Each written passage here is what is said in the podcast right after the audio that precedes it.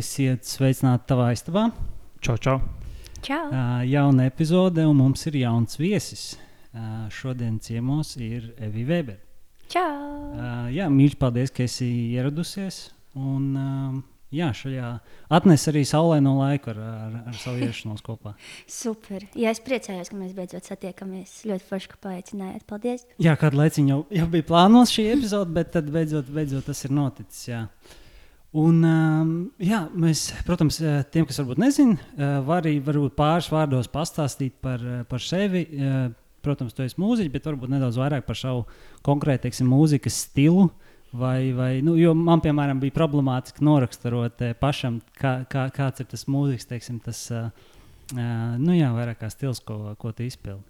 Pilnībā saprotu, ka pašai vēl joprojām ir problemātiski definēt, kas tas tieši ir. Ir sevišķi, kad ir varbūt jāpievieno albums Spotify vai kāds singliņš, un tad tur viņš tik ierobežos, to, ka tu uzklikšķini to alternatīvais, bet tad tālāk, nu, Deju mūzika, tā kā nē, tā kā singer-songwriter, nē, tā nu, jau visam ir tādas eh, kastes, bet, laikam, avangarda pops kaut kāds varētu būt, avangarda pops kaut kāds, vai sin, bet arī, jā, arī, kad es piesakos, pildu kaut kādas anketas, vai tur kaut vai Latvijas zelta mikrofonam, es parasti izvairos nodefinēt, kas varbūt nav labi, jo tu atopies tādā um, kategorijā, kur tāds melnais pīlēns viens pats. Mūsdienās, man liekas, visi liek indiju, un tad miers. tik, jā, tas tik plaši, tas tik nenormāli plaši, cieši, ja tu vēlēsies, varbūt, lai tiešām atrastu kaut kādu savu savu publiku, tur Spotify vai kaut kur tas uzreiz jā, tik plaši.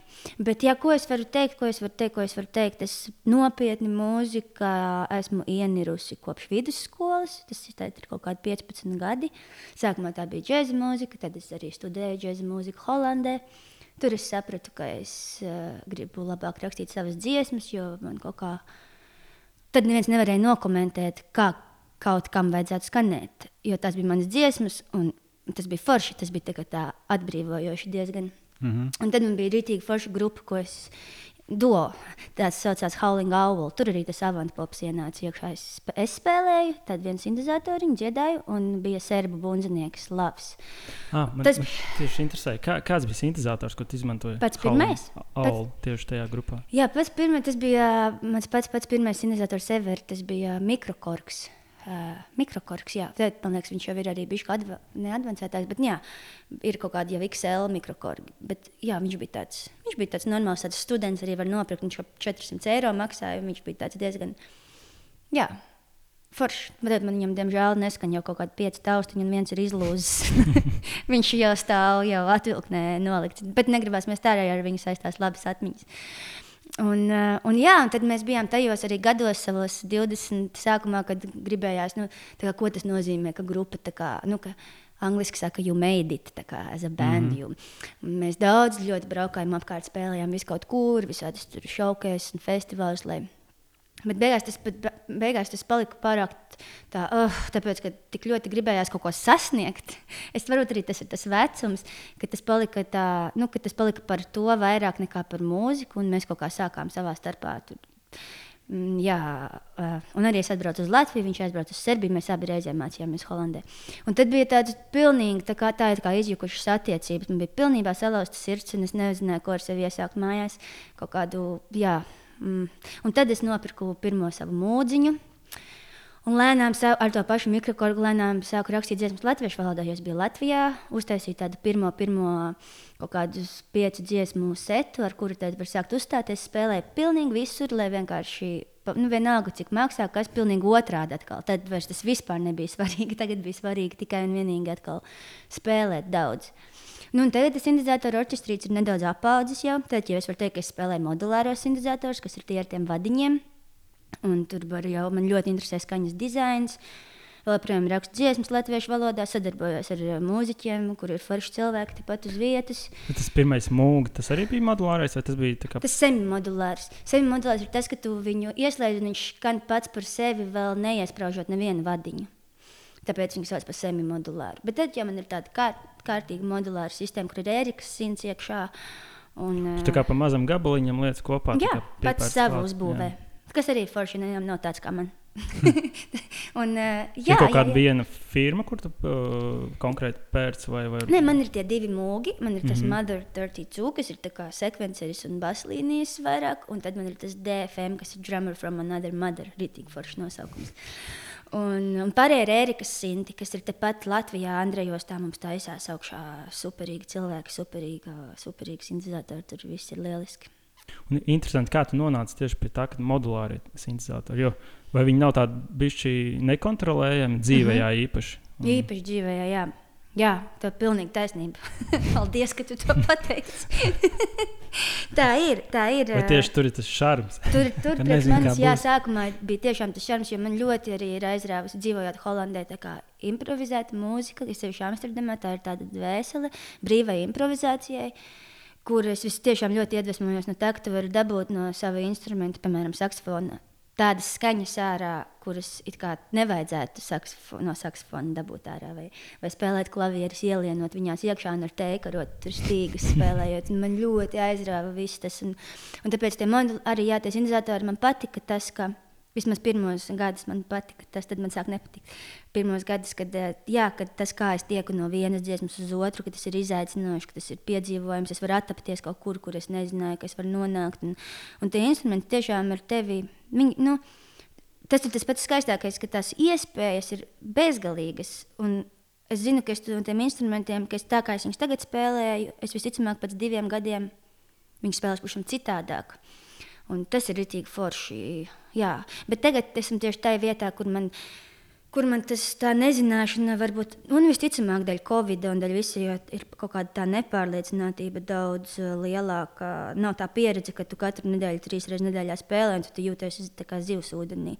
Tagad ir tā, ka man rītīgi gribās būt kontrolē lielākā, jo man jau tā pietiek stresa. Tad man gribās, gribās lai, lai viss ir tāds savāktāks, kas arī ir ok. Un, piemēram, jaunam cilvēkam, kurš tikko ienācis modulārajā pasaulē, ko, ko tu ieteiktu viņam? Vienkārši sēdēt pie tiem instrumentiem, pavadīt laiku. Tā ir visa atslēga. Tiešām. Bet, piemēram, viņam, viņam būtu tas mazais modulīts, jānopērk pirmais, tad vai, vai ir kaut kāds, ko vieglāk sākt, vai tur ir vienkārši jāliek iekšā? Un... Jā, daudzi prasa šo jautājumu. Es saprotu arī to apjukumu, kā kāds ir tas pareizais sākums. Bet tiešām, varbūt tas nevienam nepalīdz, bet tiešām tādu glu... nu, es varbūt ieteiktu to semimodulāru sintēzatoru, jā, ka tu viņu nopērci, tad, bet tad atkal tur ir tā lieta, ka tu. Nu, jā, nekam nav, nav īsti tāda pareizā lieta. Visa atslēga, ko es vienmēr visiem saku, ir. Jo es arī, es, es, es, ne, es vēl joprojām nevarētu jums tādu stāfelīti tur uzzīmēt un ar, kā izskaidrot, kā tā fizika tur darbojās, kāpēc tas signāls tagad sāk tā reaģēt. Un es esmu, viņu, esmu intuitīvs mūziķis daudz vairāk nekā, manuprāt, jā, es nevis es izlasīšu grāmatu un tad spēlēšu, bet es spēlēšu un tad sadraudzēšos ar to instrumentu. Un, un, jo tu, nu, piemēram, ja, ja tev būtu visa diena jāpavada pie klavierēm, vai ne, tu saki, es nemāku spēlēt klavierus, bet ja tu, tu, vis, ja tu piemēram 5 stundas dienā pie viņiem sēdēsi, tu kaut kā viņus spēlēsi pa savām, varbūt tu nespēlēsi Beethovenu, un tu nespēlēsi um, nezinu, ar orķestri, bet tas nekas, tas jau nenozīmē, ka tu nevari spēlēt klavierus. Tu vari ar viņiem spēlēties, tu vari ar viņiem. Un tieši, un, jā, tieši tāpat ar visu. Vienkārši jāpavada daudz laika mm. kopā. Tā ir taisnība. tām. Pasēdi simts stundas, un, ja tu būsi pasēdējis simts stundas, tad redzēsi, ka tu kaut ko jau spēlēsi. Jā. Tu, man liekas, pieskaries jau ļoti, ļoti daudz tēmām, ko mēs gribējām varbūt arī, arī, arī dziļāk un vairāk um, uh, pajautāt tev. Bet uh, es gribēju noskaidrot, kā tev ar to mūziku attiecības, kurā brīdī tev vispār tādas radījās. Nu, protams, jā, tu gāji mūzikas vidusskolā, mm -hmm. bet es pieļauju, ka droši vien nu, labu laiku pirms tam tāda ideja vispār radās. Un, un, kā tas vispār Jā. aizsākās? Tev? Jā, tas ir vienmēr. Esmu par to daudz domājis. Jo es, um, kad ir kaut kāda tāda, ka ir kaut kas, jā, kurš kas viss vienkārši sakārtojās. Um, tas varbūt skan tā ļoti sapņaini, un, un es saprotu arī kaut kā naivi, bet kad es biju maza, es biju, esmu kuldīdzniece, un es uh, pilnīgs tāds sētas bērns esmu uzaugusi. Tur netīra mutes, zaļi āboli, kariņi, saplēsti ceļa galī, viss, viss tāds. Vien. Un man ar mūziku, manā ģimenē nu, vispār nekā, ne, nu, nekāds sakars nevienam nav. Un tad uh, Nu, jā, man, protams, man nenormāli patīk Britnijas pīrs. Es biju fans, bet tas nav nekas unikāls, jo visi, visi sīči manā vecumā Mm. tādi bija. Nepirkt to top of the pops. Protams, spicīte, kad nopērts tikai vienīgi žurnālā izplēst to plakātu ārā, pieliec pie sienas, pārējo izmet ārā. Nevienam nevajag.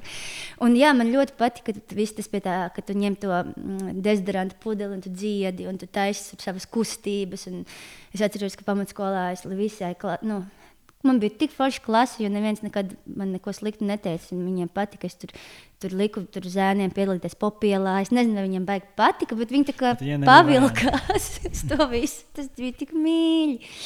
Bet tad, jā, tad man, man bija kaimiņos vecāka māsa, dzīvoja trīs gadus vecāka, un viņa teica, ka Vēnspēlī ir tāda mūzikas vidusskola. un Man tajā brīdī tas likās tik interesanti.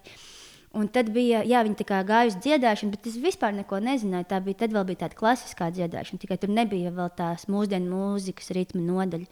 Un tieši, kad es beidzu 9. klasi, es dziedāju tādā popgrupā, kuldīgā putas un putiņas saucās. Jā, ļoti. Kas ir nosaukums. ļoti labs. Un es zinu, kas ir tik smieklīgi, ka mēs bijām tūrē Itālijā, ka mēs bijām mazas, mazas, nu, 12. Un tad puta itāliski ir lamu vārds. Un tad tas bija beigās.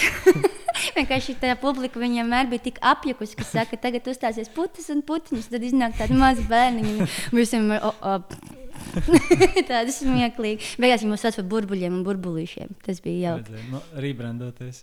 jā, vajadzēja. Jā, bet mēs, man liekas, tas bija tikai pēdējā koncertā, kad viņi rebrandoja to. Tas bija tik smieklīgi. Man tas bija viens no mīļākajiem stāstiem. Bet, jā, tad uh, popgrupas tā skolotāja, viņa man teica, o, Vēnspūlī tieši šogad atverās uh, tā jaunā mūsdienu mūzikas ritma nodaļa. Tad es uz viņu aizbraucu, un par cik Vēnspīlī tā bija. Tas bija pirmais gads jaunajai nodaļai. Tur nebija baigais konkurss. Es tur varēju bez nekādas muzikālās izglītības tikt iekšā. Es tiku iekšā, bet tad gan man bija jāsāk strādāt. Kaut kādā otrajā kursā, es sapratu, ko nozīmē praktizēt. Es tiešām, jo es dzīvoju kopā ar violnieci, arī kurš sešos no rīta jau skolā praktizēju, un es ar tā gribēju. Cik tas bija produktīvi, tas ir cits jautājums, bet tās stundas es tur sēdēju. Par to, par to es ļoti priecājos. Mm, nu jā, tā kaut kā es nezinu, atbildēju uz jūsu jautājumu. Jā, jā, tas okay. skaidrs. Un tad pēc tam arī tas nākamais posms uzreiz bija tā Holanda. Jā, tad jā. man likās, ka džēzi, jo man vienkārši man likās, ka. Jā, jau es aizbraucu uz, uz uh, Saukristiem. Džēzus bija tāda nometne, kas bija rītīgi stilīga. Tur satiec arī visus Rīgas labākos savus vienaudžus, kuri spēlē no domu koras skolas. Tu arī gribi būt tāds. Un, un, jā, tas tas vecums, ka tas vairāk iedvesmojas no saviem vienaudžiem. Un tad, tad, tad man liekas, jā, ka tā džēzus mūzika ir kaut kāda, kuras varu kaut kā iederēties, un ka tas varētu būt kaut kas, kas man sanāk. Tāpēc es uz to pusi devos. Es joprojām ļoti mīlu, un es ļoti tā priecājos, ka es kā, dzirdu to valodu, un, un, un tur viss ir forši. Bet es kaut kā pati vienkārši vairs sevi tā ne, neizpildu. Neizpildu sevi džēzā. Mm -hmm. Loģisks teikums. Un, uh, no tā visa laika, kas tika pavadīts tur uh, Holandē, nu, kas bija tās lietas, ko tu visvairāk aizgūsi? Protams, laikam tās, tie, tās sadarbības, kas radās no tā uh, arī Jā. tālāk. Bet arī bija kaut kādas nu, tādas muzikāli ļoti tādas, uh, svarīgas lietas, kas tev vairāk tā tehniski vai, vai kā tev Jā, jā, jā, jā, tie noteikti bija cilvēki, kas bija visapkārt. Tas bija tik ļoti. Mm, tā kā tu sēdi vakariņās, pie, ā, nu, jūs esat sanākuši visi kopā, un, un mēs esam vienkārši no 12 dažādām valstīm. Viens no Urugvajas, viens no Turcijas, viens no Itālijas. Viens, mēs visi varam. Nu, tā, jā, tā sajūta, kā, kā, nu, kā cilvēks arī atveries vaļā uz dažādām lietām, un tu kaut kā saproti, ka ir, nu, ka mēs visi esam un nav, nu, ka tur nav. Jā, Tas, man liekas, tas un tās, un kas, kas bija Groningenā, vietas sauc Groningen, Forši, tur bija tāda, um, viņa vairs nav, un man liekas, tā pilsēta ir zaudējusi tik daudz ko, bet uh, manā laikā tur bija tāda vietiņa pagrabā, kas saucās Ateljeru, ko vadīja divi itāļi. Un tajā vietā nedrīkstēja spēlēt nekādus džēza standartus. Standarti ir tie, ko parasti apgūst skolā, tu mācies tos, tos džēza tās, un tad vai netvējas džemiem, un ir tās konkrētais repertuārs, kas gan ir simtiem dziesmu.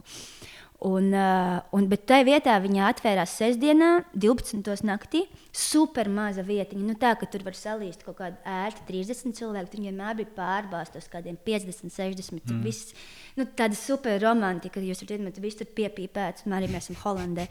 Un viss ir tāds, tur, tur, viss tur notiek. Un, un tā bija tā vieta, īstenībā, kāpēc visi skolā uh, gribēja rakstīt savu mūziku, lai tur uzstātos. Un, un tieši tāpat bija ar mani. Es tajā vietā biju un es klausījos to oriģinālu mūziku cilvēku, kas ir no skolas vai atbraukuši no Amsterdamas. Un es tik ļoti gribēju tur spēlēt, ka es uh, sāku rakstīt savas dziesmas un sāku taisīt savu grupu. Un, uh, jā, un tad pirmā grupa bija ar poļu pianistu Martu. Ar turku basistu Esatu, kas ir vēl joprojām mani mīļākie cilvēki šīs pasaules, un Lavs bija uh, bundznieks. Un, uh, un mēs arī izdevām īstenībā pirmo albumu, kas saucās Dream Whispers, ko var dzirdēt bērnu kampā, man liekas, vēl joprojām. Un tad, jā, no tiem četriem mēs palikām divi tā, un tad bija tas Howling Owl divu gadu mauciens. Mm -hmm. Bet mhm. noteikti cilvēki. Arī skolotāji, un viss, protams, tā izglītība, viss forši, bet vairāk ar skolu es laikam sapratu, man liekas, tāpēc arī skolas ir svarīgas, ir arī svarīgi saprast, ko tu nevēlies un kā tu negribi uh, izpausties. Tu, tas arī ir svarīgi. Tāpēc tā skola jau kaut kādā 3. un 4. kursā jau bija tāda, ne, man interesē tie cilvēki, mm. un man interesē tā, tā mūsu, mūsu sadarbība. Un no transformācija no Howling Owls uz tagadējo uh. Jā, tas bija ar to, ka mēs, mēs sastrīd, teikt, sastrīdējāmies, pašķīrāmies. Nebija viegli tā transformācija. Likās, ka uh, jā, ka nekā tur vairs nekad nebūs. Jo atkal ir tukšums, ir jāgaida, ka kaut kas izaugs. Bet man liekas, ka cilvēkam tādās, ka viņam ir ap 20, viņam gribās visu daudz ātrāk. Un tagad kaut kā ir tā enerģija tāda citādāka, ka negribas gaidīt, kamēr tas ābols paliks sarkans, gribās jau grausties iekšā un, un darboties. Un, uh, un, jā, bet es arī teicu, saprotu, ka es tiešām esmu no Hallinga aulas, jo mums bija ļoti svarīgi, ka mēs mēs ne, neproducējām mūziku, to, ko mēs varējām izdarīt dzīvē. Ja? Un labs tādā veidā bija vienkārši astoņkājs. Viņš ar vienu roku spēlēja bungas, bungas tā, ka nekas nepietrūkst, un ar vēl ar otru roku tur kā sintetizators un bass un viss. Viņš bija pilnīgs, pilnīgi, pilnīgi, nu, jā, pilnīgs. Nevar aptvert to joprojām, kā tas vispār ir iespējams. Un tad es ļoti es sapratu, ka es arī mājās strādājot ar tiem saviem sintezatoriem, ka es, tas, kā es varu izdarīt dzīvē, ka es varu pārvaldīt to visu, tā es arī to mūziku ierakstīju. Tas man liekas, vēl joprojām ir saglabājies. Nu, varbūt tagad kaut kas sāk mainīties, jo nebija jāspēlē daudz un varēja jā, sākt producēt vairāk. Kas arī forši. Ar kādu programmu tu producēji? Loģiku es izmantoju. Oh. Jā, vairāk. Nu jā, es palielinām vairāk visu vienkārši ierakstu no tiem saviem instrumentiem, un tā viņš arī skan. Bet tagad es lēnām esmu, man ir jauni plugini, man, ir, man patīk soundtoys, un man ir tie native instrumenti, un es sāku skatīties, ko es vēl varu izdarīt ar to signālu, kad es viņus ierakstījusi. Un, nu, tur jau ir vesels modulāri plugini. Jā, jā viss kaut kas ir, jā, tas ir atkal vesels kosmos, un, un jā, kas ir forši. No, kā tu pati iedvesmojies? No kādiem izpildītājiem vai no kādas mākslas, kas, kas tev pašai? Vai tev ir mīļākā dziesma? Man ir mīļākā dziesma. Tas ir jebkuram sarežģīti. Man ir bijušas vairāk, es domāju, man ir mainījušās tās mīļākās dziesmas. Tāpat arī tās iedvesmas ir ļoti mainījušās. Jā. Jo tie ir tiešām tie ir jau 11 gadi, vai ne? Un, un ir, protams, bijuši tā, ka es dzirdu kaut kādu jaunu grupu, un man liekas, wow, es viņu klausos un klausos. Vai kad es atkal priekš sevis atklāju Džoniju Mičelu, un es klausos viņas albumu Blue uz rīņķa, un uz atkal un atkal un atkal. Un, un, jā, ja man gribās parādīt, tas būs noteikti tas, ko es uzlikšu. Ir, jā, ir ļoti, ļoti, ļoti daudz un ļoti plašs tas viss bijis. Arī tieši tāpat improvizētā mūzika. Vispār ir bijis, kad es klausos smagu mūziku, kas ir kā mašūga un grupas, kas ir smagākais. Es nezinu, vai kaut kas jau ir, bet priekš manis tas ir diezgan. Jā, wow. Un es nezinu, kad es biju maza, es mīlēju karalu lauvu. Nu, droši vien tā ir arī man viena, tāpat Britnija. Tad man ļoti patīk arī Bilija Eiliša. Man rītīgi patīk viss tas. Es saprotu to, kāpēc tie jaunie cilvēki viņai tik ļoti pieķeras, jo tas ir forši. Viss, ko viņi dara, ir rītīgi forši. Vairāk uz melanholisku mūziku pavalkties. Tu zini, vai, vai nē? Varbūt, jā, kā kurā, kā kurā brīdī, bet ir arī reizes, kad es tiešām, ja es, kad bija gadi, kad es ļoti daudz mūziku patērēju. Es biju superliels mūzikas patērētājs. Es dienā noklausījos albumus. Man ļoti patīk klausīties tiešām albumu, albumu jo man liekas, ka, ka tas, ja tas cilvēks ir pārdomājis, kas ir pirmā dziesma, kas ir pa vidu, kas ir pēdējā. Tad lai, nu, ir bijis citādāk. Tad ir tās plēlistas, ne? Tu vienkārši paņem savu mīļāko dziesmu, pārējais albums. Eh, ko varbūt neviens pat nenoklausās. Bet es joprojām turos pie tā. Man ļoti patīk visa albuma koncepts. Es aizmirsu, kāds bija jautājums, es aizrunājos. Par melanholisko mūziku, vai tā ir melanholisko mūzika. Jā, viss kaut kas tas var būt. Un p- Pēdējā dziesma, nezinu, vai, vai izpildītājs, ko tu par īņķi tā esi mākslinieks, tas arī tas uh, Džons uh, Mičels, ja tu teici? Džonija, ne, Džonija Mičela. Džonija Mičela. Ah. Bet tas viņa, nē, tas nav pēdējais, izmā, ko es par riņķi vairākas reizes paklausījos, kas man ļoti patika, bija Portugāles Eirovīzijas dziesma. Es viņu noklausījos kaut kādas 10, 15 reizes. Man tiešām, Tā, man tā liekas, bija tā, kur viņi veltīja savam uh, vecātam. Vai tā To es bija? nezināšu. Viņa saucās Saudāde, ja es pareizi nezinu, Saudāģe, Saudāģe, ja es pareizi Ma Mario vai Maro bija izpildītāji. Maro, laikam, Maro.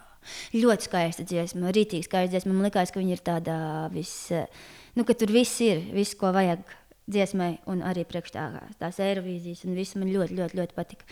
Man vispār sāk likties, ka, ja, ja bija kaut kāda gada, kad man liekas, ka Eirovīzija vienkārši jānokratās, tad tagad man liekas, ka oh, tur ir da tik daudz foršu dziesmu, un, un kaut kā liekas, hmm, kaut kādā veidā tas viņu arī atspoguļo, kas notiek kaut kur vietā, kaut kur. Man liekas, ka katru gadu tur ir vismaz viens mākslinieks, nu, kurš bišķi tā kā paķers. Nu, Nu, jau pat uz to var vairāk. paļauties. Jā. liekas, jā. Nu, Vismaz viens, vairāk. jā. Ir kaut kā laika gaitā mainījies, teiksim, jo es, nu, es neesmu baigts sakojis pēdējos gados. Nu, priekš manis, jā, kaut kā izmanto no pagājušā gada, kad es redzēju Islandes priekšnesumu, jo man viens draugs teica, jau tur redzēju Eirovīziju, ne? Jo es arī, ne, es saprotu, es arī nesakoju līdzi. Viņš saka, "Bet Tas tu ir gariem matiem. šitā jā, valsts, bija šitā, tāds- jā. jā, tāds- Viņš saka, šitā valsts, šitā valsts, šitā valsts noklausies, vai arī Itālijas noklausies. Man liekas, wow, tiešām tik skaisti, tā kā super, vienkārši wow. Forši. Un tad šogad arī man bija tieši tas pats, arī tur, eh, kas tur tika no pirmā. Es neskatījos gan to lielo visu, bet, bet jā, bija tas noskaties, tur Portugāli noskaties šito, un, un, un tā Portugāles dziesma man pilnībā aizrāva. Es nevarēju tikt no viņas vaļā. Tas ir tas, ja tu man prasi, ko es pēdējā, pēdējā reizē griezu uz riņķi, tad tā ir tā dziesma, ko es griezu uz riņķi. Man liekas, pie mums arī nu, tā Eirovīzija katru gadu tur pa lielam piedalās kāds, varbūt citā grupā vai kā. Varbūt tev arī ir kādā brīdī bijusi tāda ideja vai, vai uh, ambīcija piedalīties. Vai, nu, Nu, īstenībā vis, nu, kā, kā, visu šo laiku īsti nē, tāpēc, ka man, nu, priekš manis Eirovīzija viņa ir kā par kaut ko citu, mm -hmm. nekā kur es gāju mūzikas virzienā. Man tā kā interesēja kaut kādas tās, bet dēļ šiem priekšnesumiem, kurus es tagad šogad un pagājušajā gadā esmu redzējis, es nemelošu, ka man nedaudz ir tā, tā kaut kāda tā sajūta, ka varbūt būtu forši. E, Jo es, es biju jūtu, jā, ka mums, ka, ka daudziem arī maniem mūziķu draugiem ir nu, tā attieksme pret Eirovīziju, nu, ka tas nav īsti par mūziku, nu, ka tas nav. Mm -hmm. Bet mēs jau paši veidojam to visu. Un, ja neviens no mums tā kā nepiedalās, un nav īsti, nu, jā, ka mēs paši tā kā neradam to augsni pie mums, tad. Nu, Nevienam jau nepalīdz, tas tur kaut ko bubini zem deguna par kādu citu visu laiku. Nu, ko tas dod, neko tas nevienam nedod. Um, un tad kaut kā man liekas, varbūt vēl paies kaut kādi pāris gadi, bet es ceru, ka arī ka pie mums sāks parādīties tāda, nu jā, tāda kaut kāda jauna augsne ar, ar, ar visu, visu kaut ko. Jo Jā. cilvēki mums ir, mums ir tiešām viņi tik nepiedalās. Jo, jā. Man liekas, tiešām jā, Eirovīzija sāk novērtēt uh, vairāk nestandartus. Jā. Kaut kā tā pati Serbija, kas man liekas, tā bija Serbija. arī kas šo- super dziesma. Tur jā, jā, tas jā, ļoti, jā, jā, par tām rokas mazgāšanām pēc tam- arī viss super. Jā, Tieši tā. Internetā ļoti labs atsauksmes. tā Uzreiz, nu, Vai ne? ļoti, ļoti Kaut, patīk. jā, un es reiz liekas, o, tā Serbija tāda interesanta. Kas tā Serbija? Tur tā tik Jā, forša, tā valoda, un viss tas gribās ir, o, Serbija, Serbija, tā kā labs. Nu, jā, jā, tā kā man liekas, ka ir forši to vārdu arī izcelt tādā, tādā tas tā, tā tu parādi apmēram tās valsts kaut kādu radošo garu. Bet eh, man liekas, ka pie mums pagaidām nav tā, ka simtprocentīgi atspoguļo, kas pie mums šeit notiek. Pagaidām mēs tā kā vēl joprojām esam tā kā tā bišķiņ pāris gadus uz atpakaļ. mm -hmm. Kas ir ok, visam savs laiks. Bet kaut kā liekas, ka jā, ka kaut kā. Kaut kā no, nobriedīs. tā. Jā, Tu jā. um, pieminēji par, par bubinātājiem. Um, kā, kā tu, piemēram, nu, reaģēji vai, vai tiec galā ar kaut kādu kritiku vai kaut kādiem cilvēkiem, kas, uh, nu, kas varbūt uh, nav fani tā, tā, tā, tavai mūzikai vai tāda tipa mūzikai? Vai tas tev kaut kādā vērā, nu, vai mērā to nu, ņem, ņem pie sevis? jā, es domāju, ka ik viens jau kaut kādā ziņā ņem. Tas laikam vairāk cik biezu ādu tu esi uzaudzējis. Katrs ir uzaudzējis. Un, un uh, man šitajā bija ļoti liels ugunskristības dēļ tā 18. gada Jā, jā. skandāla, kas bija. Un tad, ja, ja es varēju piecelties no tā, tad tagad tie, tie komentāri, vai kas, nu, man vienkārši netiek vairs klāt. Nu, man liekas, nu, Nu, jā, tas ir tā, ka ja tu noberies tos ceļus, rītīgi sākumā tur jēlas, ka tu pakrīt un sāp viss, bet tad jau trešo reizi jau, jau vieglāk, un ceturto reizi vēl vieglāk. Un, un arī priekš manis pirms tiem trīs gadiem tas bija tā, ka es vispār tādu tā internetu naidu. Vai nu es vienkārši nerezonēju tajā lau, laukā, vai kā, bet es nebiju pamanījusi, ka cilvēki ir tik žultēni. Tagad es to kaut kā redzu visu laiku. Man liekas, tā ir tāda mm. norma, ja tu uzklikšķinos uz komentāriem Facebookā, tas tur, tur būs un pat negaidīs neko citu. Bet tad es kaut kā to ieraudzīju pirmo reizi, tāpēc tas noteikti bija diezgan. Uh, tas nebija viegli. Nē, tas noteikti nebija tā, ka es tur ah, forši zinu, un viss tiek teiks, oh, jā, tā vismaz tāda kaut kāda popularitāte, visam tur savs. Es vispār nesapratu, par ko viņi runā. Man liekas, kā, ko jūs tur runājat. Nu, kas tagad es saprotu? Tad, piemēram, ja tur notika kaut kas ar Kristiānu Brektu vai kā, tad es varu saprast, kā var tā domāt arī par lietām. Bet, kad es biju visam tam pa vidu, tad man, man vienkārši kaitināja jebkāds viedoklis. Man liekas, ka kā, var, kā, kā cilvēkam likties, ka tas viņa viedoklis ir tik svarīgs, ka man viņš ir jādzird. Un tas varbūt, varēja būt jebkāds viedoklis, mm. bet vienkārši, kad man visi grib pateikt savu viedokli visu laiku, un man vienkārši tas bija par daudz. Bet tagad, jā, tagad kaut kā, protams, ka nav patīkami. Nav, nav tā, ka tur, nezinu, nevienam tas nav patīkami. Jo es tiešām ticu, ka tāds vārdu spēks ir tāds. Nu, ja es tev kaut ko sliktu pateiktu, piemēram, fuj, vai ne, tur kaut ko tu sajustos slikti, tā ir sava veida maģija kaut kāda, kad es varu tev, es varu, tev varu uzlabot dienu. Vai nu es tev varu viņu bišķiņu sabojāt, tā ka tev pēc tam vajag pusstundu, lai nokratītos mm. no tā. Man liekas, ka vārdam tiešām ir liels spēks. Tāpēc uh, Es domāju, ka jā, nav. Man tikko tur tiktu kā es redzēju, bija kaut kāds komentārs, tur kaut kāds cheap aizpīk for sale, kaut kas tāds. Man liekas, un arī es izlasu, nav tā, ka man liekas, ha, cik forši. Man tāds, uf, uf nu labi, Liec, ejam tālāk.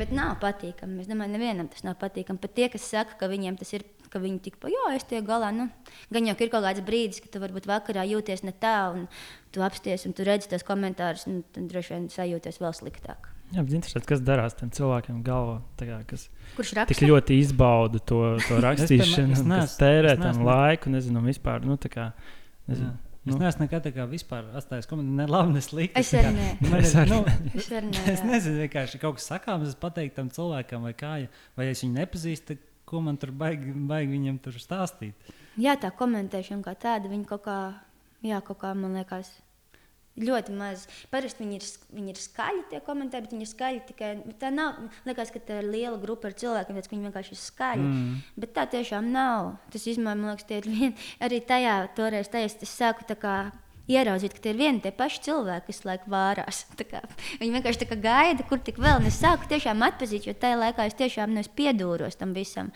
Un es visu redzēju, un es visu ļoti labi atceros, ko kad kurš. Un arī tas bija forši, jo izkristalizējās, kur ir mani cilvēki un kur nav mani cilvēki. Un, un, un, un tas arī ir diezgan īstenībā svētīgi. Tur nav vairs neko. Un arī jā, tā sajūta, ka tu no kaut kā tāda brīvības sajūta kaut kādos brīžos arī bija, kad es tur uzkāpu uz skatuves un pēkšņi man likās, man ir tāda liela spārna, es varu kliegt un spiegt un visādas skaņas izdot. Un tāpēc, ka es ko, ko es vairs varu pazaudēt. Tā kā, nu, neko man nav.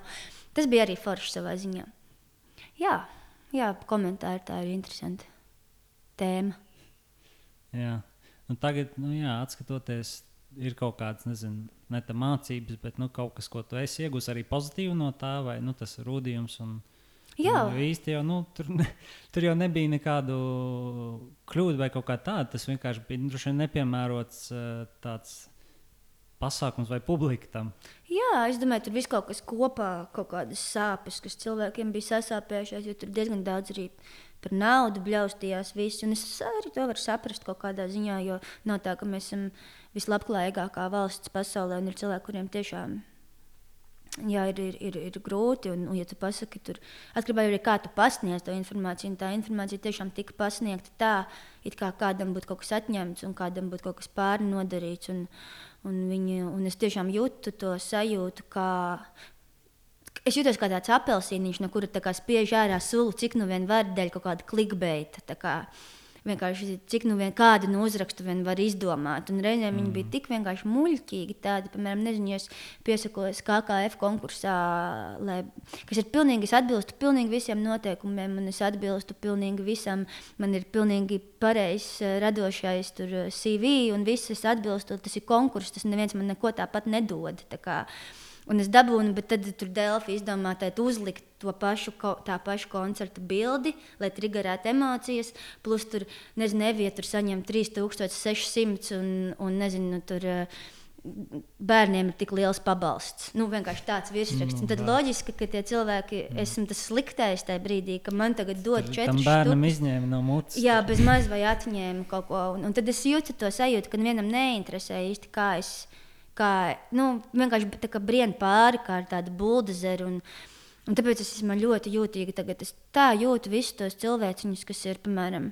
Nu, piemēram, kad sākās X faktors, vai ne? Kad ir tie, tie smieklīgie dalībnieki sākumā, kuriem tur kaut kas nesanāk, vai mm. kuri tur. Man ir tik ļoti, jo es saprotu, ka tas ir tā tā šova formāts, un es saprotu, ka viņiem tas ir jādara, jo tāpat dara Amerikā, un, un vajag visu to, lai tu. Bet vienkārši tā sajūta, ka tu nekad nezini, ko tas atstās. Kā, ko, tas, ko tas atstās tam cilvēkam, cik ļoti tu viņu traumē. Nu, tu nekad nezini, kā viņš pēc tam pieredz to savu realitāti, cik ļoti viņš ir sabijies no kaut kā, lai sevi vispār izpaustu. Kā, jo tev tā kā ir vienalga, tu vienkārši pēc tāda šablona izdari kaut ko. Un it kā tur, nu jā, bet tur viņi turpat, bet no otras puses mēs tik ļoti izjūtam, man liekas, gribās teikt lielu fuju tiem cilvēkiem, kuri tik ļoti, nu jā Pat... Tur nav daļa sarunāta X faktorā, domāju, kas, nu, lai uztaisītu speciāli to šovu. Es domāju, ka tie cilvēki, kuri nonāk tajās situācijās, eh, kuri tad uzsprāgst kā tie aprunāšanās objekti, cik es esmu lasījusi, arī viņa mm. lietas, man liekas, ka viņi īsti, man liekas, ka viņi īsti ne, nesaprot, kas notiek. Nē. Man liekas, ka viņi īsti ne, ne, ne, ka viņi ir. Un tad tā lieta ir kā, forši, tu tur esi populārs uz vienu mēnesi, paskat, tur forši tagad pasies, cik daudz tur tavas dziesmas noklausījies. Bet iespējams, ka tas cilvēks tiešām uz visu mūžu vienkārši paliek bailīgs un, um, un daudz noslē, noslēgtāks. Un, un tu, tā ir tāda nu, savā ziņā mentāla, emocionāla vardarbība. Tas, tas, ka viņam nav zilumi, nenozīmē, ka viņš nav, viņam nav pāri izdarīts. Nu jā, ja tu zini, kā es tur viss, tur, ko varēju sadūšojies, tur uh, saņēmies, aizgāju. Jo tiešām arī tās vēstules, ko cilvēki raksta, reizēm, un es jau to uztveru tā, it kā it kā tev rakstīt tāds pats cilvēks, kāds esi tu, kad tu to uztver tā ļoti. Jo reizēm man tiešām, man tiešām bija bailes. Man bija, ļoti, man bija bailes iet uz ielas, man tiešām likās, ka man kāds izraus mēli uz ielas. Man, nu, tā kā tev draudz, tu, man liekas, ka visi mani redz, ka viss ir pilnīgs muļķības. Tas viss bija manā galvā. Es nereizi ne neesmu satikusi nevienu, kurš man dzīvē kaut ko negatīvu pateikt, bet pēc tā interneta buma bija tāda sajūta, ka visi man ienīst. Ja es iziešu uz ielas, man uzreiz vienkārši dos pa seju kāds. Mm. Un tā, un tas, tā ir tāda sava veida trauma, vai ne? Un tad, ejot uz priekšu, tu iemācījies, ka okay, tā nenotiek, tā tas nav. Aha, tas ir tikai tā, un tas neskaitās. Un tie nav tie cilvēki, kas tev raksta, viņi pat varbūt nav īsti, nu, un tad tu sāc saprast. Bet, ja tu neesi tam gatavs, un tu neesi tam nobriedis, un tu tā kā atopies, ka tu esi tajās krustugunīs, kur visi tevi apbižo, tas noteikti nu, tas ir traki. Mm. Jā. Labi, var, varbūt tas kaut ko pozitīvāku. Varbūt to, par to pašu tēmu. Es domāju, Uh, kā tavuprāt, mazināt šo naidu un vairot to labo pasauli? O, es nezinu. Es nezinu, es domāju, tur katr, katrs varbūt kaut kā pats priekš sevis var saprast, cik ļoti viņš nu, jā, patērēt mazāk vienkārši to pasauli kaut kādā ziņā. Kaut kā, jā. Jo es nedomāju, ka tas kaut kā baigi mainīsies. Es domāju, ka mēģināt sniegties pēc tā labā, nu, saskatīt to labo. Jā, jā. izmantot tās mm. platformas, tā kā, nu jā, jā, ja tu redzi, ka tev nu, nespēj, nespēj, nu, tur nebūs nekas cits. Es domāju, vienkārši nespiest un nelasīt. Jo tas, ka tur pēkšņi būs kaut kas pilnīgi citādāks, nu, neiespējami. Kaut vai tāpat Bilija Eiliša man arī par šo ir ļoti, nu, viņa man ne, ne tā personiski to iemācījusi, bet ir iemācījusi to, jo katru reizi, kad es sekoju līdz viņas intervijām, kā, viņa ļoti bieži runā par to, ka, nezinu, es dabūju Grammy Bet tad eh, viss internets teica, ka es neesmu to pelnījusi vai kaut ko, jo viņa loģiski viņa ir tik slavena, viņa sevi uz, uzņem nenormāli daudz to negatīvo, viņa, viņa ir dēmons un vēl viss kaut kas tur. Un tad es vienkārši aizdomājos par to, cik tas ir interesanti, jo es vispār, nerezon, es vispār neredzu, pat, ka viņu kāds nīst. Jo es rezonēju tajā pasaulē, kur visi viņu mīl. Es redzu tikai to mīlestību, es redzu tikai to, cik viņi ir forši un ka, visiem, ka visi tur ir jā. Un es vispār neredzu to naida pusi. Un tad es sapratu, ka, jā, ka to naida pusi jau vismaz redz tikai tie, kur ir tā, tajā naida pusē. Un tad viņi kā, rezonē tajā, un tad internets viņiem piespēlē visu to naidu visu laiku, tas algoritms un viss tas. Tad es sapratu, nu jā, īstenībā tie, kas ir arī pret mani, tā naidā tā, tas nenozīmē ir kāds cits cilvēks, ko es satiktu, un ja es visu laiku teikšu, jā, man tur viss baigs viņam būs, ah, kas, ko, kurā vietā, es vispār neko tādu neredzu. Tā kā, ka, kurā mm. vietā, vai jā, pir, kā, kaut kāds skandāls, ah, kāds tur, jo es arī to skandālu, domāju, izjūtu daudz jūtīgāk, jo tā bija es, bet nav tā, ka es, piemēram, es nezinu, vai jūs, piemēram, zinat, kas šobrīd, nezinu, ir uz privātās dzīves vāka. Man nav ne jausmas. No, es pat nezināju, ka viņu liekas. Gan jau Kavičs, gan jau visu laiku Kavičs. Tā kā, nu, un tieši tā, vai ne? Nu, tā kā tu nezini īsti kas tur ir. Es nerezonēju. Un ir tiešām tāds cilvēks, kurš par to skandālu arī vispār neko nezina, ka tāds ir bijis, jo viņi vienkārši nerezonē. Tas arī vēl jāpaturprātā, ka, ka tie naidīgie viņi, viņi apvienojas. Un tā mm. ir viņa realitāte, bet Reiz tā nav visu cilvēku realitāte. Nu jā, nu, man liekas, tā ir tā pasaule, interneta pasaule ir kaut kas pilnīgi cits kā, kā reālā dzīve. Jā. Nu jā, arī, arī. Un arī tas, ka jā, tu arī vari tā internetā būt tepat, bet vienkārši redzēt to otru pusi, jo tas ir tas, kas tev pievelk. Mm. Jā. Tā Jā, es nu, redzu. Atpakaļ pie mūzikas. Varbūt, um, kas ir tieši tas, kas tev mūzikā visvairāk aizrauja? Kura no tām daļām, vai, vai piemēram, tā, tieši tā dziesma rakstīšana, vai, vai piemēram, uzstāšanās, varbūt, vai, vai vēl kaut kas cits? Mm. Vai varbūt tieši tas brīdis, kad tu izdomā jaunu dziesmu? Nezinu, vai... Viss īstenībā. Nu, visam ir tas savs šarms. Uzstāties ir kaut kas cits. Sēdēt un taisīt dziesmu ir kaut kas cits. Uztvert to kaut kādu pirmo, ko tu aizķer, un tad no tā tu veido to dziesmu. Arī ir kaut kas cits. Un vārdu rakstīšana ir pavisam kaut kas cits. Tad, tev, tev patīk vārdu rakstīšana? Es neteiktu, ka man patīk. Es ne, vispār tā grūti pateikt, ka man patīk, piemēram, uzstāties. kā, jā, man kaut kas tajā patīk, bet arī ir brīži, kad nu, es kā, negribu to darīt, bet es to vienkārši daru, tāpēc, ka kaut kā tā ir sanācis. Un droši vien bez tā es nevarētu, es būtu pavisam cits cilvēks. Bet arī vārdus rakstīt ir jā, tā kā. Nu, ņemts un kalti ilgi kaut ko no tā, kas ir pielāgots. Tur pilna klāta ar dzējoļiem. Vispār nē. Parasti man ir tā melodija, un tad nu, tagad. Oh, Oh, kas nu tas būs? Jā, tāpat arī ar dziesmām nav tā, ka viņš vienkārši krīt no gaisa. Vien, atkal tas par to laiku tu sēdi un tu dari. Un tad, jā, tad kaut kas atnāk.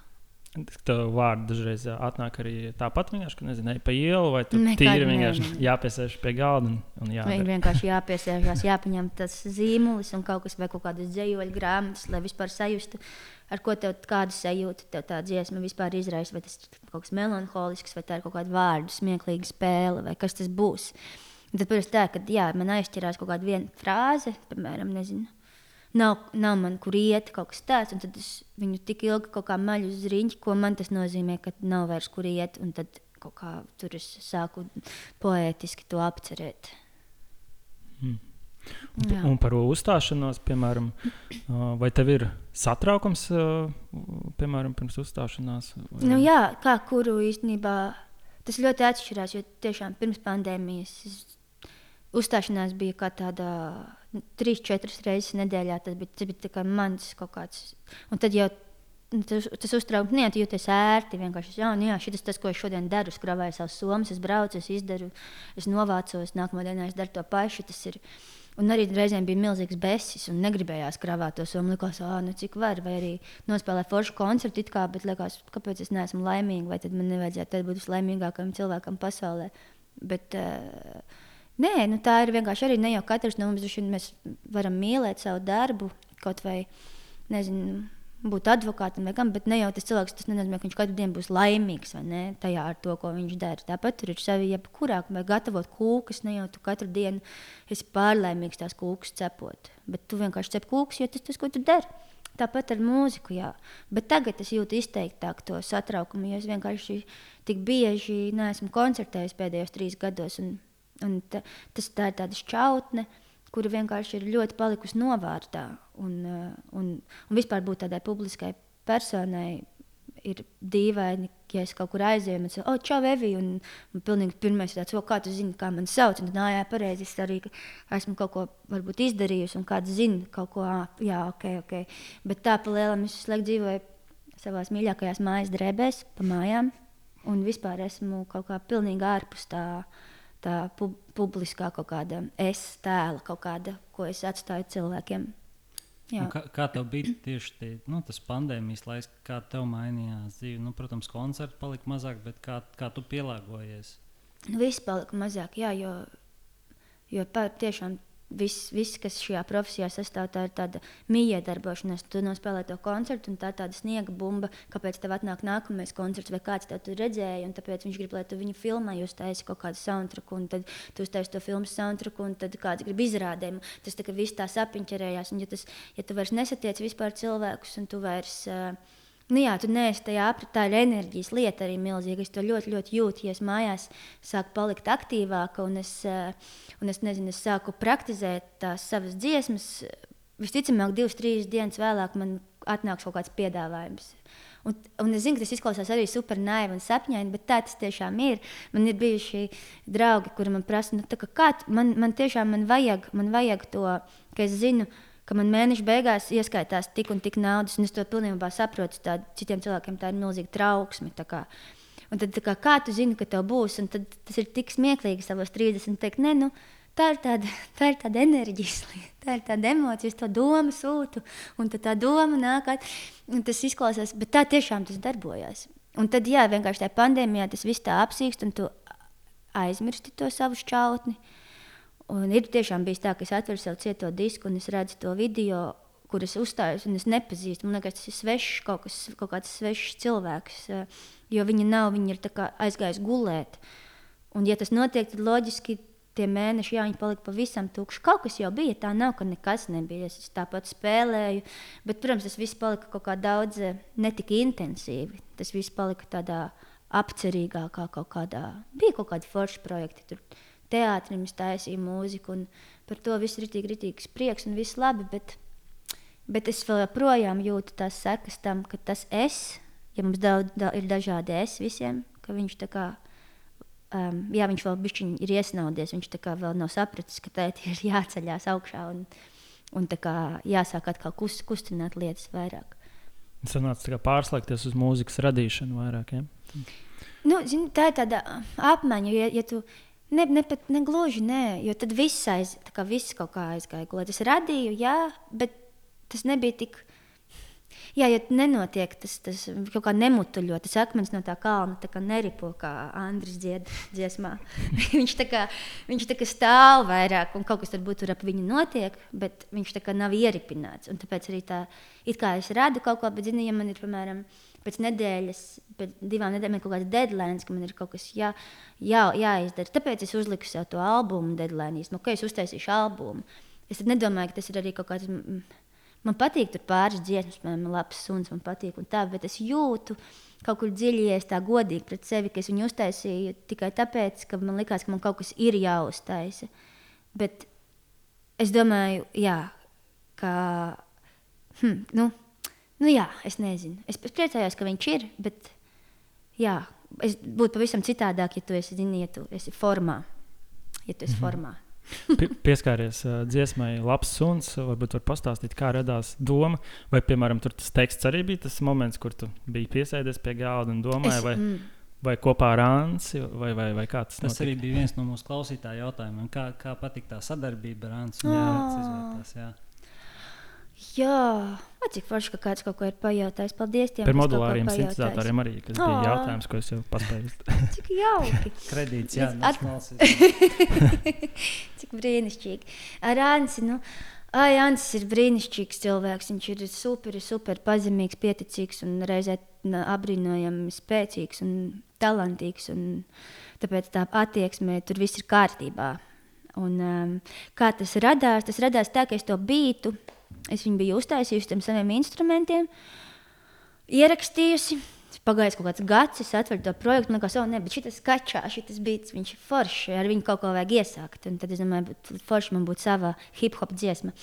Un tad Ansis ir tāds, kurš, eh, kurš man norauj jumtu, ka viņš dara savu lietu, viņš man norauj jumtu. Un, un man liekas, ok, ja, ja ar kādu, tad, tad ar Ansi. Pagāja vēl pusgads, vai vēl kaut kas laiks, lai es saņemtu viņam uzrakstīt. Tad es viņam uzrakstīju. Viņš teica, ok, forši, forši, forši. Mēģināsim kaut ko. Bīts patīk, viss kārtībā. Bija arī jā, pandēmija, un Anna tieši taisīja to savu lielo mākslu. Tas viss notika super lēns, jau paiet trīs mēneši. Tur, nu, kā tev iet, aizina, vēl tur nav nekas, bet gan jau tur kaut kā tur paiet vēl divi. Ritīgi ilgi tādā, tādā ziņā, bet to tekstu. To tekstu Ansis uzrakstīja. Man bija tas piedziedājums, kaut kā laikam ejot, es viņu tos vārdus pie sevis biju dungojot, izrunājusi, un viņi man pieķērušies. Un kaut kā tad likās, ka viņš atsūtīja to tekstu, likās, ka jāraksta jauni. Es tā kā mēģināju, Man liekas, ka nē, šitie paši kaut kādā veidā make sense un ir ok, lai viņi vienkārši paliek tādi, kādi viņi ir.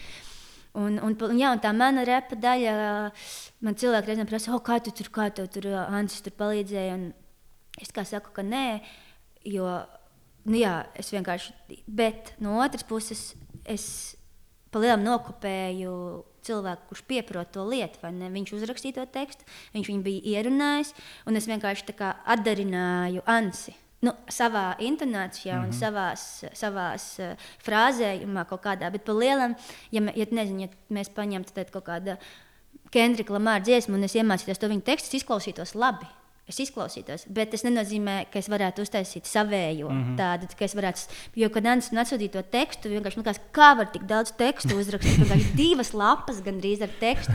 Runājot par tekstiem, es tur vienkārši sēžu savu četru rindīti. Astoņi vārdi liekas, oh! astoņu vārdu dziesmai, nu jau daudz, bet tur vienkārši palaks ar tekstu. Un tas vispār nenozīmē, ka es domāju, oh, jā, ka cilvēks saka, tev vajag repu, tev vajag to vairāk. Un es tā kā saprotu forši.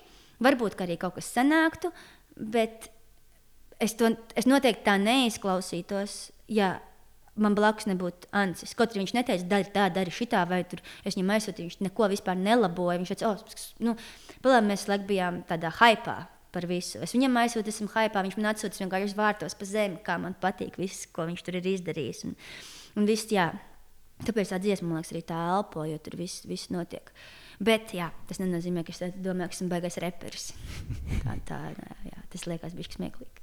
Dziesma ļoti forša. Paldies. Un uh, video klips arī superīgs. Jā, varbūt var pastāstīt par to.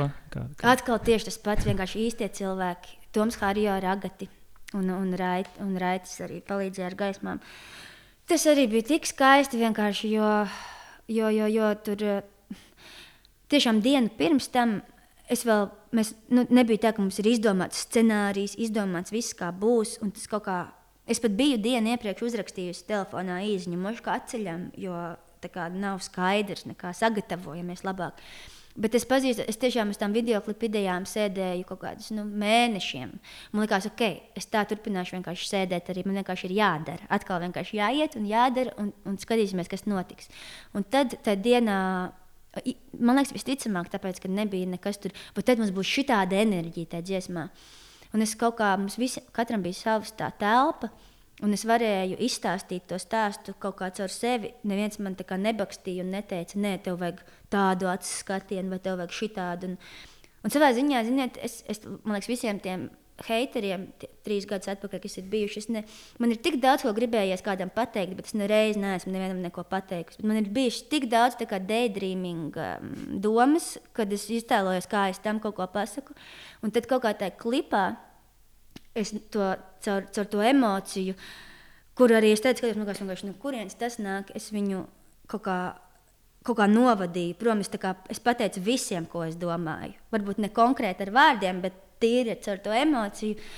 Un man liekas, ka Ansim kaut kas līdzīgs, jo tās performances vienkārši kaut kā viņas tādas. Un, to, un, jā, un tad tajā brīdī arī Toms ir. Viņš redz, ka kaut kas notiek, un, ir, un, es, un es jūtu arī to viņa, ka viņš saprot, ah, nē, mēs to skatu neizmantosim vispār. Tā kā šie tukšie krēsli būs tā skatuve, un, un es redzu, ka viņam liekas, šis būs īstais, un man tas iedvesmo, un tas viss kaut kā beigās apbrīnojam. Jā, tiešām tas, tas gala rezultāts ir apbrīnojams. Un tas vēlreiz man tikai parāda to, ka, ka nu, attieksmē slēpjas viss palielam. Klipa filmēšana bija cik, cik dienas? Viena. Viena diena. Viena tikai. diena jā. Viss, un vēl divas dienas nice. atpakaļ mēs nezinājām, ko mēs mugurā vilkšu. Mēs uz vietas tur palielam visu to, es, es to bodiju, kas man ir mugurā, es viņu iemetu no rīta somā ar domu, varbūt noderēs.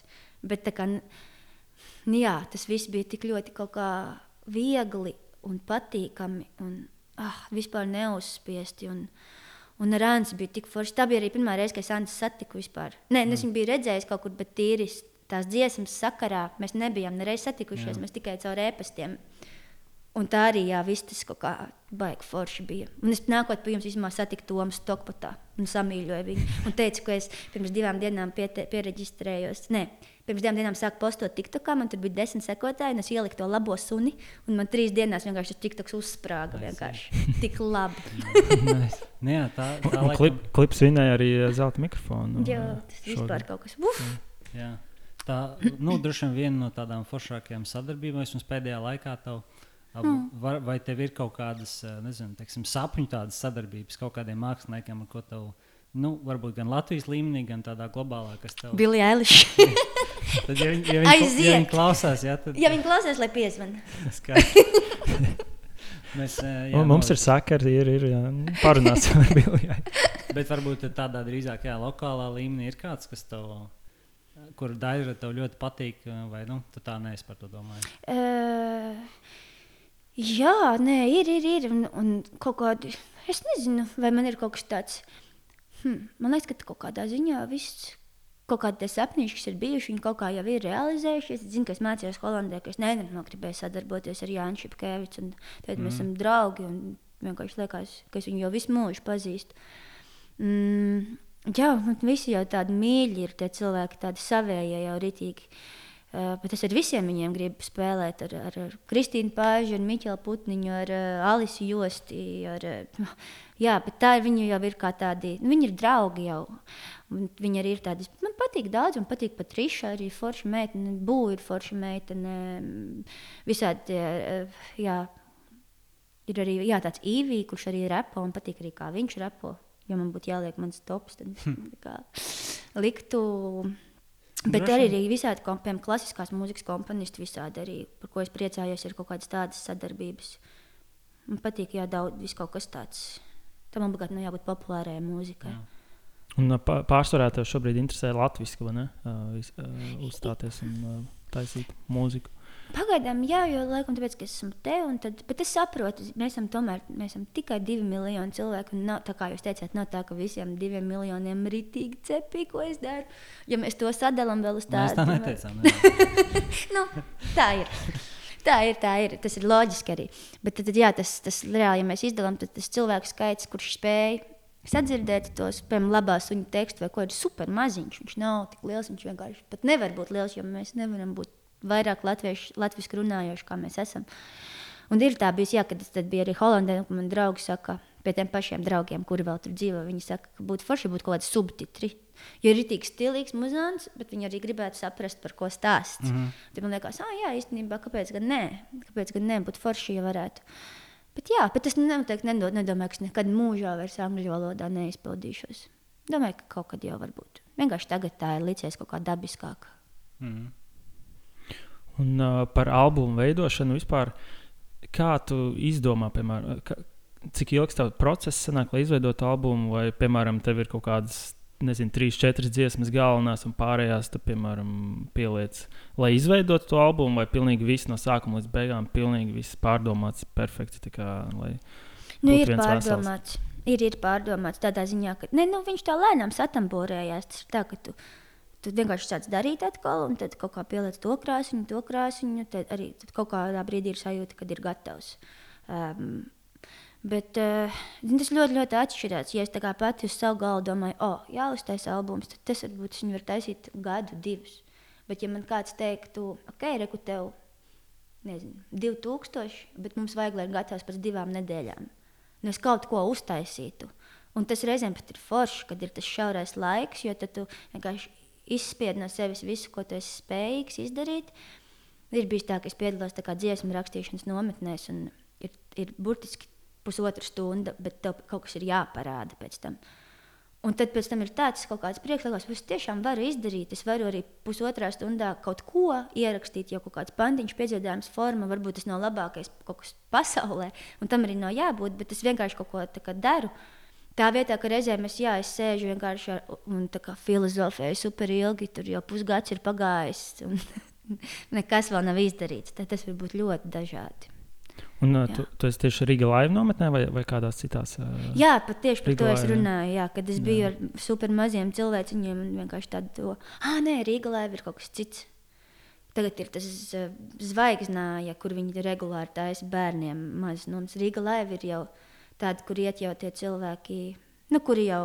Kristi, tu tur bija arī. Ja, vien. es, es vienreiz esmu arī. Kā tev gāja? Oh, bija nice, superīga pieredze. Tieši tā kā tu teici par to, Jā, kad ir tas spiediens, ir tas stragls, lai uztaisītu to dziesmu. Tad ir pilnīgi citādāk. Jā, tev pēkšņi ir arī citādāk. tā Kā, nu, jā, jā, jāpieslēdzās. un pēc tam, pēc tam ir tā pārliecība, tā kā nu, īstenībā jau kā, nu, vienā dienā jau var uztaisīt. Man, ne, man neko es Ko, ko es te pirms tam darīju? Ir, Daudz ir dzirdēts par kaut kādiem tur top eh, dziesmām vai hitiem, kas tur sacepti ir eh, 30 minūtēs un tam līdzīgi. Nu, nu, protams, ne tas super regulāri notiek. Bet, nu, Jā, jo tiešām nav tas viens, tas man liekas, arī tā doma, ka, kā taisot mūziku, nevienmēr tev jāuztais labākā dziesma pasaulē. Jo tas nu, tiešām, man liekas, ka cilvēkam, nu, man vismaz tā ir, ka man reizēm tik ļoti gribās jau to rezultātu. Kad es aizmirstu to, to meditatīvo at, atziņu, to pasaules atziņu, ka tas prieks jau ir tajā ceļā, nevis tas, ka tu esi aizgājis.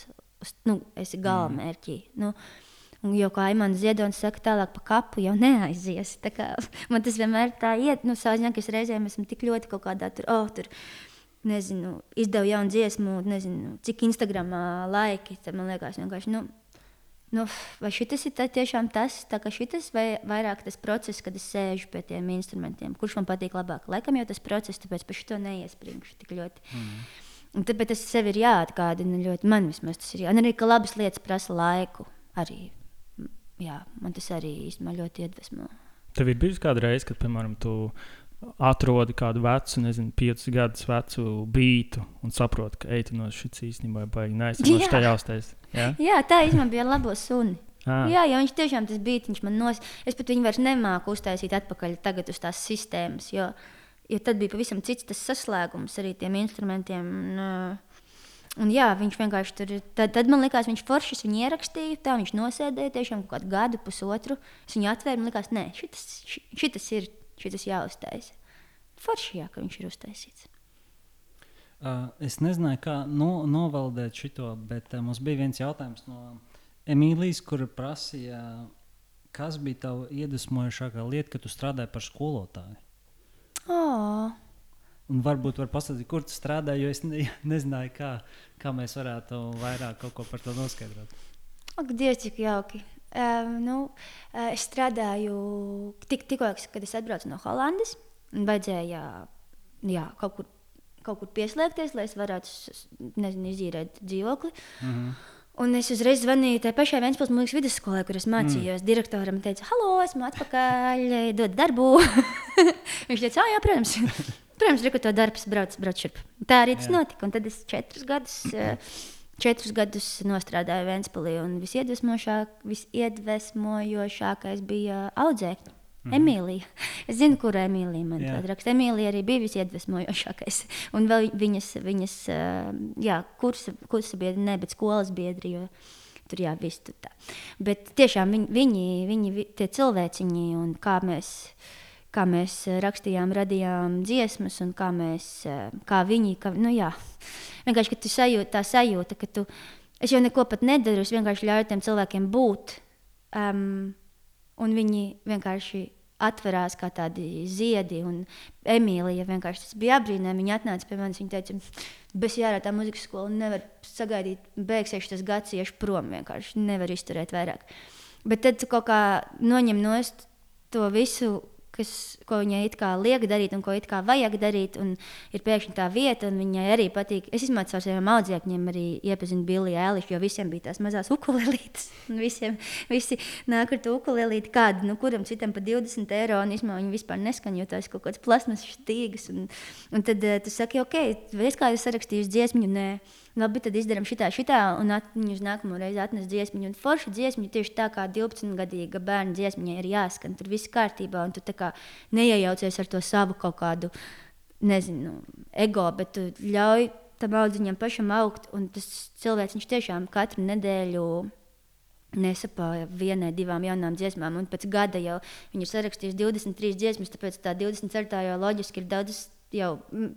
nu, jau spēcīgāk, un, un tagad pati Emīlija jau arī viņai jau ir albums, kurš skan amazing. Viņa, Emīlija Jārmala noteikti paklausties, skan brīnišķīgi vienkārši, un tur viss notiek. Un, un jā, tā kā paši, paši, tas ir tas, kas mums vairāk pietrūks. Tāpēc es arī eju uz tām bērnu nometnēm, jo, jo nu, tā ir tā ir baigā, baigā lieta um, ka tu jūti, ka tu kaut ko jā, proti, un tas pat varbūt nav kaut ko iemācīt, bet tas ir sajust to cilvēku un ļaut viņam.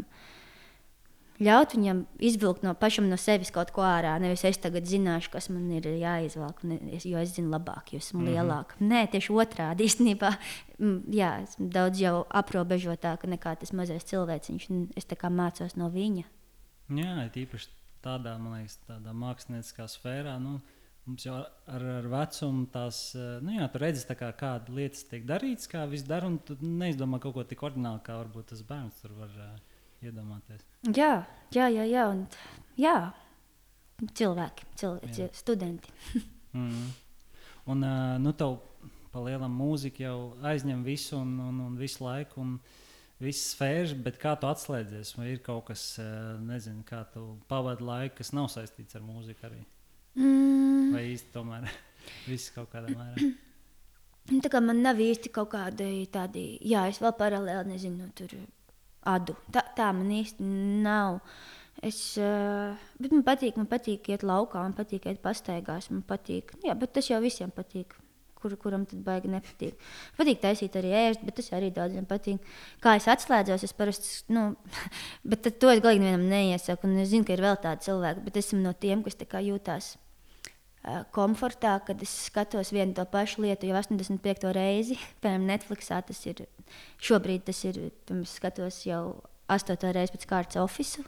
Un, un, tas, un tas ir tāpēc, ka es, es varu gatavot, es, piemēram, varu gatavot ēst, un es jau viņu tik labi zinu, nu, ka man nav, jā, man nav tikai jāpieslēdzas jā, jā, līdz galam. Un, un tas, ka man nekas tajā nepārsteidz, man tas nomierina, jo man liekas, ka defaultā esmu diezgan trauksmīgs cilvēks arī, jūtīgs un trauksmīgs.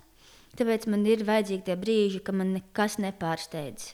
Ka es, nu, es zinu, ka Pēma tagad aizies uz turieni, un es zinu, ko viņa teiks. Es zinu, ko viņai atbildēs. Man viss ir skaidrs, un es vienkārši ēdu kaut ko garšīgu. Izklausās pazīstami. jā, jā. Office, man liekas, mums visiem ir jā, ļoti. Pirms tam man bija draugi, bet tad draugs izņēma no Netflix. Jā, jā. jā. tas, ne, tas, domāju, jā, daudziem tāds komforts, tāds seriāls, kas, nu, Vienalga, jo viņš ir tik garš, nav tā arī, ka nosties to pirmo se sezonu un tad beidz, beidz astotajā vai kurā tur. Tad, nu, laiciņš jau paiet, kamēr tu esi nosties, viss tie kaut kas piemirst. Var jau vēlreiz, jā, tieši jā. jā. jā. Uh, vēl es gribēju uzdot, mēs jau tuvojamies noslēgumam. Uh, kā tavuprāt, mūzika nākotnē transformēsies? Mm. Transformēsies. Kā tev šķiet, kāda varētu būt mūzikas nākotne? Nezinu, vai... Tas ir tāds ļoti sarežģīts jautājums. Jā. Jā, tā ir. Es nezinu.